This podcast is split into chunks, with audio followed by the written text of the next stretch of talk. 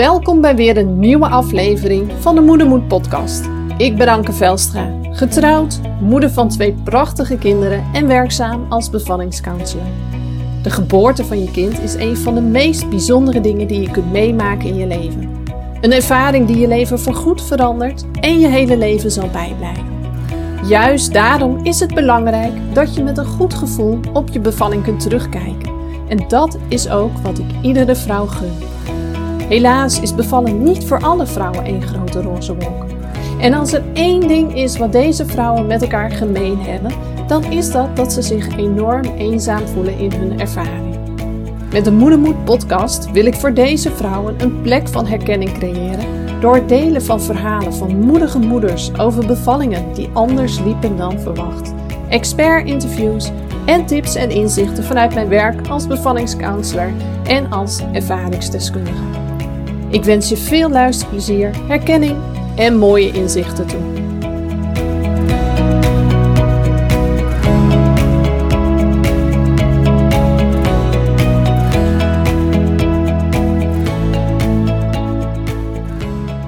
Hey, wat leuk dat je er weer bent bij een nieuwe aflevering van de Moedermoed podcast. Uh, zoals je misschien op de achtergrond wel kunt horen, loop ik op dit moment lekker buiten. Ik heb net uh, drie uur online college gehad, dus ik had echt wel een enorme behoefte om even de frisse lucht in te gaan. Het is heel fijn online college, want anders zou ik veel vaker naar, naar Arnhem moeten reizen vanuit Leeuwarden om, om les te volgen. Maar ik merk dat ik het ook wel vermoeiender vind of zo. De hele tijd naar zo'n scherm stu- uh, turen. Dus, en heel vaak zijn we dan geneigd van, oh ik heb nog dit te doen, ik heb nog dat te doen. Dus nou, laat ik maar even doorrammen.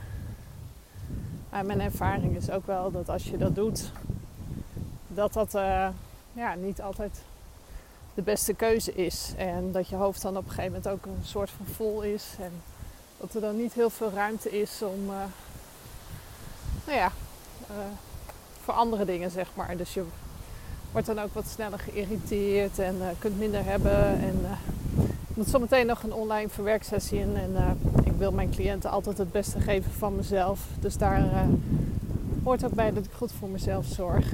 En even naar buiten gaan, een wandelingetje maken, frisse lucht. En verrassend genoeg is het eigenlijk heel mooi weer. Dat had ik helemaal niet zo uh, door terwijl ik binnen uh, in mijn, uh, mijn hockey zat. ja, is dat wel even genieten. Maar goed, ik moet natuurlijk ook nog een podcast maken voor vandaag. Dus ik denk, laat ik die twee maar eens even met elkaar combineren. Laat ik rustig wandelen en ondertussen mijn verhaal doen. Waar ik het vandaag in deze podcast met je over wil hebben, is misschien een beetje een ander soort onderwerp dan je van mij gewend bent. Maar daar mag ook ruimte voor zijn. Ik was afgelopen zondag was ik bij mijn allereerste doula-cliënten, eigenlijk mijn stage-cliënten.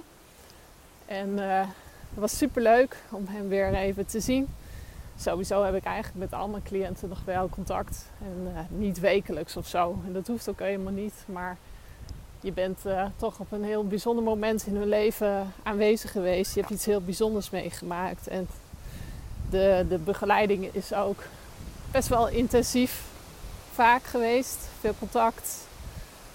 Uh, veel voorbereiding. En uh, ja, om dat dan in één keer te stoppen, zo van nou, baby is eruit en uh, doei. Dat werkt ook vaak niet op die manier. Ik vind het ook leuk om te zien hoe, hoe de baby's zich ontwikkelen. En ja, hoe de gezinnen weer de, nieuwe balans vinden in alles. Hoe de mama's herstellen.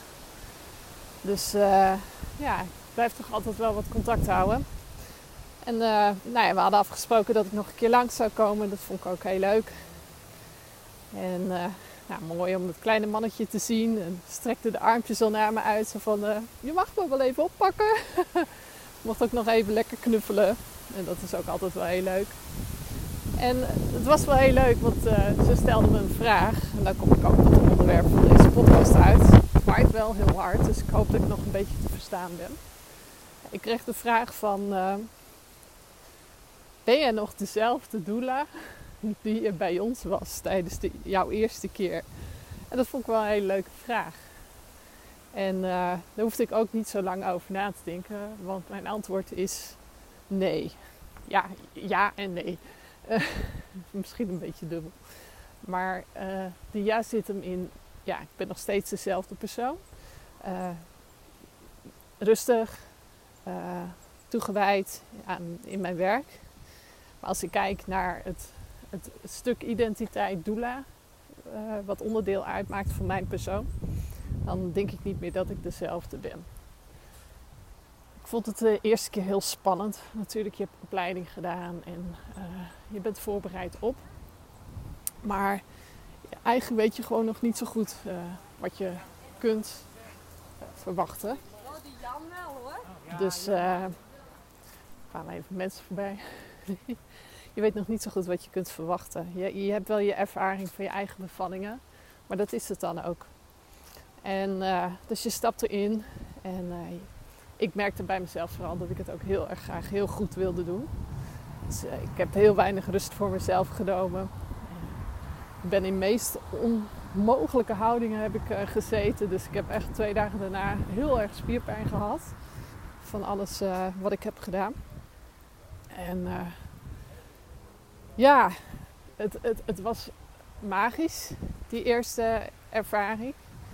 Uh, en tegelijkertijd was het soms ook wel confronterend om te merken van dat ik op bepaalde vlakken nog niet genoeg kennis had of zo. Ik weet het niet. En soms loop je in een bevalling dat, dat het ergens blijft haken. Of dat de ontsluiting heel langzaam gaat. En dan merk je gewoon van ja, ik, ik heb nog niet alles in handen, alle tools in handen, alle kennis in, in handen om daar ook op een positieve manier invloed op uit te oefenen. Behalve dan de, de, de grote basis die je leert uh, in de opleiding. En daarmee kom je eigenlijk ook op het stuk hoe, hoe ik naar opleidingen en dergelijke kijk. Ik doe op dit moment ook een opleiding. Hè. Ik had vanochtend college. Ik ben uh, bezig met, uh, met een, een verdiepingopleiding op een counseling. Dat is onderdeel van een groot plan. Daar zal ik je later nog wel eens wat meer over vertellen. Um, en voor heel veel mensen, ik, ik kom trouwens ook, dat is ook nog wel goed om te weten, ik kom ook uit het onderwijs. 15 jaar in het onderwijs gewerkt als leerkracht. Ik ben directeur geweest van de basisschool ongeveer vijf jaar. Nog een poosje in het HBO les gegeven, dus ik heb van alles gedaan. En als je uit die hoek komt en als je ziet hoeveel mensen naar opleiding kijken, is het zo van, nou, ik doe een bepaalde opleiding, doe een bepaalde studie. En dan ben ik dit, dan heb ik die identiteit dus dan kan ik het ook. Uh, ik, weet dat, uh, dat mijn businesscoach uh, Veronique destijds ook uh, heel mooi zei van... ja, dan ben je coach en dan hang je een bordje op de deur en dan denk je dat de, de klanten direct komen. Ja, weet je, zo werkt het niet. En zo is het met opleiding ook. Je hebt de opleiding gedaan, je hebt je diploma gehaald. Maar je moet nog vlieguren maken. Moet je nog verder ontwikkelen eigenlijk is dat pas het begin. En in de zes jaar dat ik nu ondernemer ben en mijn eigen bedrijf heb, uh, is dat ook iedere keer wat, wat naar voren kwam. Zo van, ja, ik doe een bepaalde opleiding, dan ga ik mee aan het werk. En gaandeweg dat proces blijf je op jezelf reflecteren. En kom je eigenlijk ook tegen van, wat voor soort cliënten heb ik eigenlijk? Waar, waar rommelen ze mee? Waar, waar worstelen ze mee? Wat zijn hun problemen? En wat mis ik nog bij mezelf om ze daar heel goed bij te kunnen helpen? Oh, wat een harde wind. en uh, dus op die manier blijf je eigenlijk telkens doorgaan. En dat, was, dat is eigenlijk ook zo in mijn doelenwerk. Ik heb al behoorlijke uh, gereedschapskist natuurlijk van alle andere opleidingen die ik heb gedaan. Uh, maar ook miste ik soms hele praktische dingen. En uh, bijvoorbeeld wat je kunt door middel van houdingen. Wanneer een kindje er net niet helemaal lekker door, voor ligt. Of wanneer het kindje ho hoog blijft liggen. Of, of wanneer de ontsluiting stagneert. En zo ga je iedere keer kijken. Welk stukje mis ik nog? en waar kan ik me nog verder op ontwikkelen zodat ik dat mee kan nemen in mijn werk. Een ander ding wat ik zeker heb gemerkt, is dat ik uh, rustiger ben geworden in, uh, in mijn werk. Ik ben voor mezelf al vrij rustig als persoon. Maar ehm, mijn drijf om het heel goed voor de ander te doen en heel goed voor de ander te zorgen, maakte ook dat ik heel hard altijd aan het werk was. En uh, ja, dat ik uh, iedere keer bovenop mijn cliënt dook op het moment dat ze een wee had. Want dan uh, wist ik dat ik in de rug moest drukken. En als ik nu. en toen kwam ik binnen en toen had ik ook gelijk het idee: ik moet van alles doen. En ik kom nu gewoon binnen en ik, ik ga eerst onderdeel worden van die bubbel. Dus ik kom gewoon heel rustig binnen. Ik wil eerst voelen waar stap ik in, hoe is de sfeer. En daar probeer ik eerst mee te matchen. En het gewoon wat kijken en wat te luisteren. Alvorens ik daarin ook iets ga doen. En het, het woord doula zegt eigenlijk, er zit het woord do in, hè, to do. Maar veel mooier zou het eigenlijk het woord bila zijn. Want soms hoef je als doula niet eens heel veel te doen. Behalve er zijn, to be. En uh, dat is ook wel wat ik echt heel erg heb geleerd. Een, uh, een ander ding wat ik ook heel erg tegenkwam in mijn werk is uh, dat ik. ik had wel bepaalde technieken, grondingstechnieken, die ik kon inzetten zeg maar wanneer de paniek toesloeg tijdens de bevalling. En ook al ben jij erbij als doula, ook al bereid je het heel goed voor met elkaar, dit soort momenten gebeuren. Uh, ik denk dat iedere vrouw dit wel ervaart. Je ziet het vooral heel veel gebeuren uh, in de transitiefase, wanneer uh, vrouwen zeg maar, de overgang maken van ontsluitingsweeën naar, de, naar persweeën. Op dat moment gaat je lichaam wat adrenaline aanmaken dat heeft een ontzettend positieve werking. Um, want het bereidt die adrenaline bereidt jou zeg maar voor. Het geeft je weer wat energie en wat kracht om die uh, persfase in te kunnen gaan. En daarnaast uh, krijgt je baby er ook een beetje van mee. Nou ja, dat effect ken je vaak wel. Die mooie wakkere baby's met grote ogen naar je kijken op het moment dat ze net geboren zijn. En daardoor dus ook goed wakker en alert zijn om te kunnen aanhappen als ze borstvoeding, als je borstvoeding gaat geven, zeg maar. Dus het heeft een heel positief effect, die, uh, die adrenaline. Maar goed, het blijft wel een stresshormoon. En de ene vrouw is daar gewoon meer gevoelig voor uh, dan de andere. En als je daar gevoelig voor bent, zul je dus op dat soort momenten ook paniek gaan ervaren tijdens je bevalling. Dingen roepen van, uh, nou, doe het allemaal maar zonder mij. Of alsjeblieft, maak er maar een keizersnede van. En dat, dat hoort er eigenlijk een beetje bij. En op zich, daar, daar had ik wel de tools voor om, om daarmee te kunnen werken. En om heel snel uh, mensen weer terug te halen. Want op het moment dat er, uh, even kijken, paniek is, dan zijn mensen zeg maar niet met hun hoofd, met hun gedachten in het hier en nu. Ze zijn eigenlijk bij van hoe kan ik hier wegkomen, hoe kan ik vluchten, of hoe kan ik het, dit stoppen? Maar ze zijn niet helemaal aanwezig in het hier en nu. Dus alles wat je zegt, alles wat je doet, uh, komt ook niet aan. Want uh, diegene is heel ergens anders. En wat ik vaak dan zie gebeuren, is dat bijvoorbeeld zorgverleners heel hard gaan uh, schreeuwen of luid praten. Om op die manier hun aanwijzingen over te laten komen. Het heeft totaal geen zin. Sterker nog, maakt het vaak alleen maar erger. Want als jij je onveilig voelt en het gevoel hebt, ik moet hier weg. En iemand gaat dan ook nog met een hele luide stem tegen jou praten. Ja, dan veroorzaak je eigenlijk nog meer stress en nog meer paniek en maak je het alleen maar erger.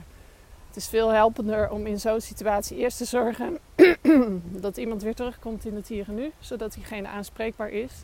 En dat je vervolgens uh, van daaruit weer aanwijzingen kunt gaan geven. En het liefst op een zachte en liefdevolle manier in plaats van heel hard uh, praten of schreeuwen. Maar die technieken had ik allemaal wel in huis en die uh, zet ik nog steeds heel, heel goed in. Maar ik merkte wel dat mijn, met name mijn cliënten, want ik richt me toch met name cliënten die te maken hebben met angst of met trauma snel uh, overspoeld worden door, door, door de weeën, de pijn, de intensiteit.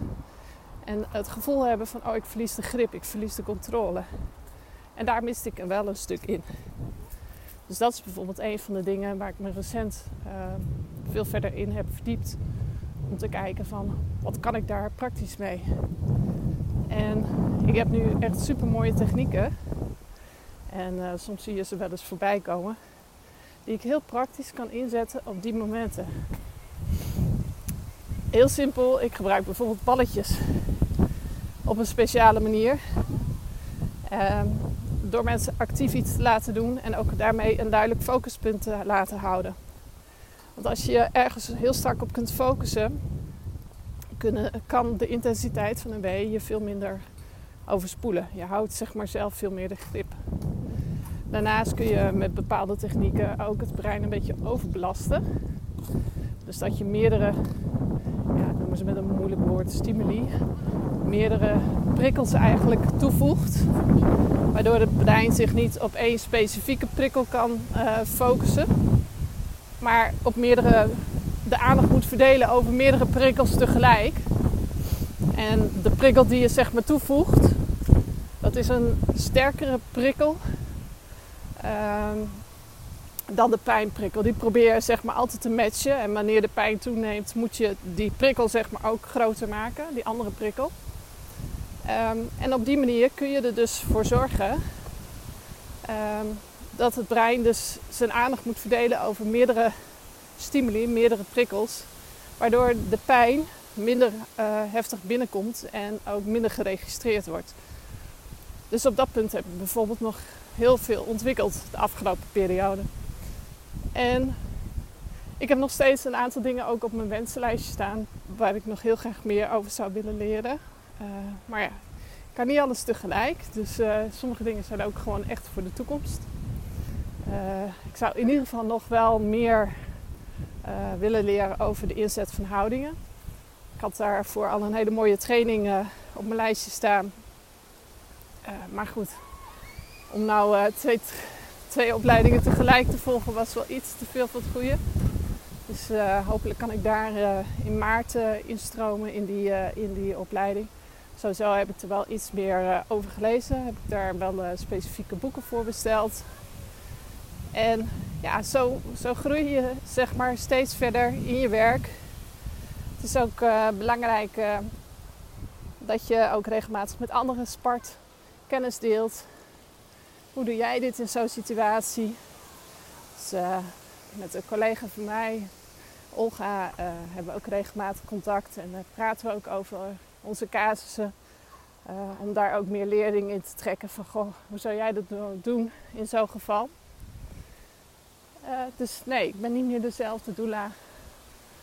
ik ben nog wel dezelfde persoon, maar niet meer dezelfde doula als hoe ik begon toen ik uh, bijna klaar was met mijn, uh, mijn opleiding. En uh, ik vond het ook gewoon een superleuke vraag die ze hebben gesteld. En daar hebben we ook een heel mooi gesprek over gehad. En ja, ik vond het leuk om jullie daar een, een klein inkijkje in te geven. Um, nou, dit was eigenlijk de podcast weer voor vandaag. Het is zo jammer dat jullie dit niet kunnen zien, maar ik, ik ben in mijn praktijk eh, aan het werk. En uh, naast mijn praktijk uh, ligt een heel mooi park. En het zonnetje schijnt, waait wel een beetje hard. Dus het is echt heerlijk om hier nu nog even, even te wandelen in het nazomerweer. echt wel even genieten, even opladen voor zo nog, nog een sessie. En ook wel leuk om te weten, mijn, mijn praktijk ligt vlak bij de binnenstad van Leeuwarden. En we hebben nogal wat uh, water in onze binnenstad. We hebben zelfs uh, in de binnenstad een jachthaven. En uh, mijn praktijkruimte ligt zeg maar aan het water. Dus daar varen heel wat bootjes langs op een dag. Hartje zomer was dat wel even een dingetje, want die brug stond echt heel vaak open. Soms ook wel heel lang. En daar baalde ik wel, want ik ga altijd op tijd weg hoor. Dus maar uh, ik ga juist op tijd weg omdat ik rustig wil opstarten s ochtends. En uh, dan moest ik toch al met al nog uh, snel snel. Maar ja, dus ik loop nu weer langzaam naar mijn praktijk toe. En ja, het is gewoon een prachtig, prachtig stukje om, om te zitten. Nou, dit, dit was het wel weer voor vandaag. Bedankt voor het luisteren. Ik hoop dat je het leuk vond wat ik je heb verteld. En wie weet weer tot de volgende podcast.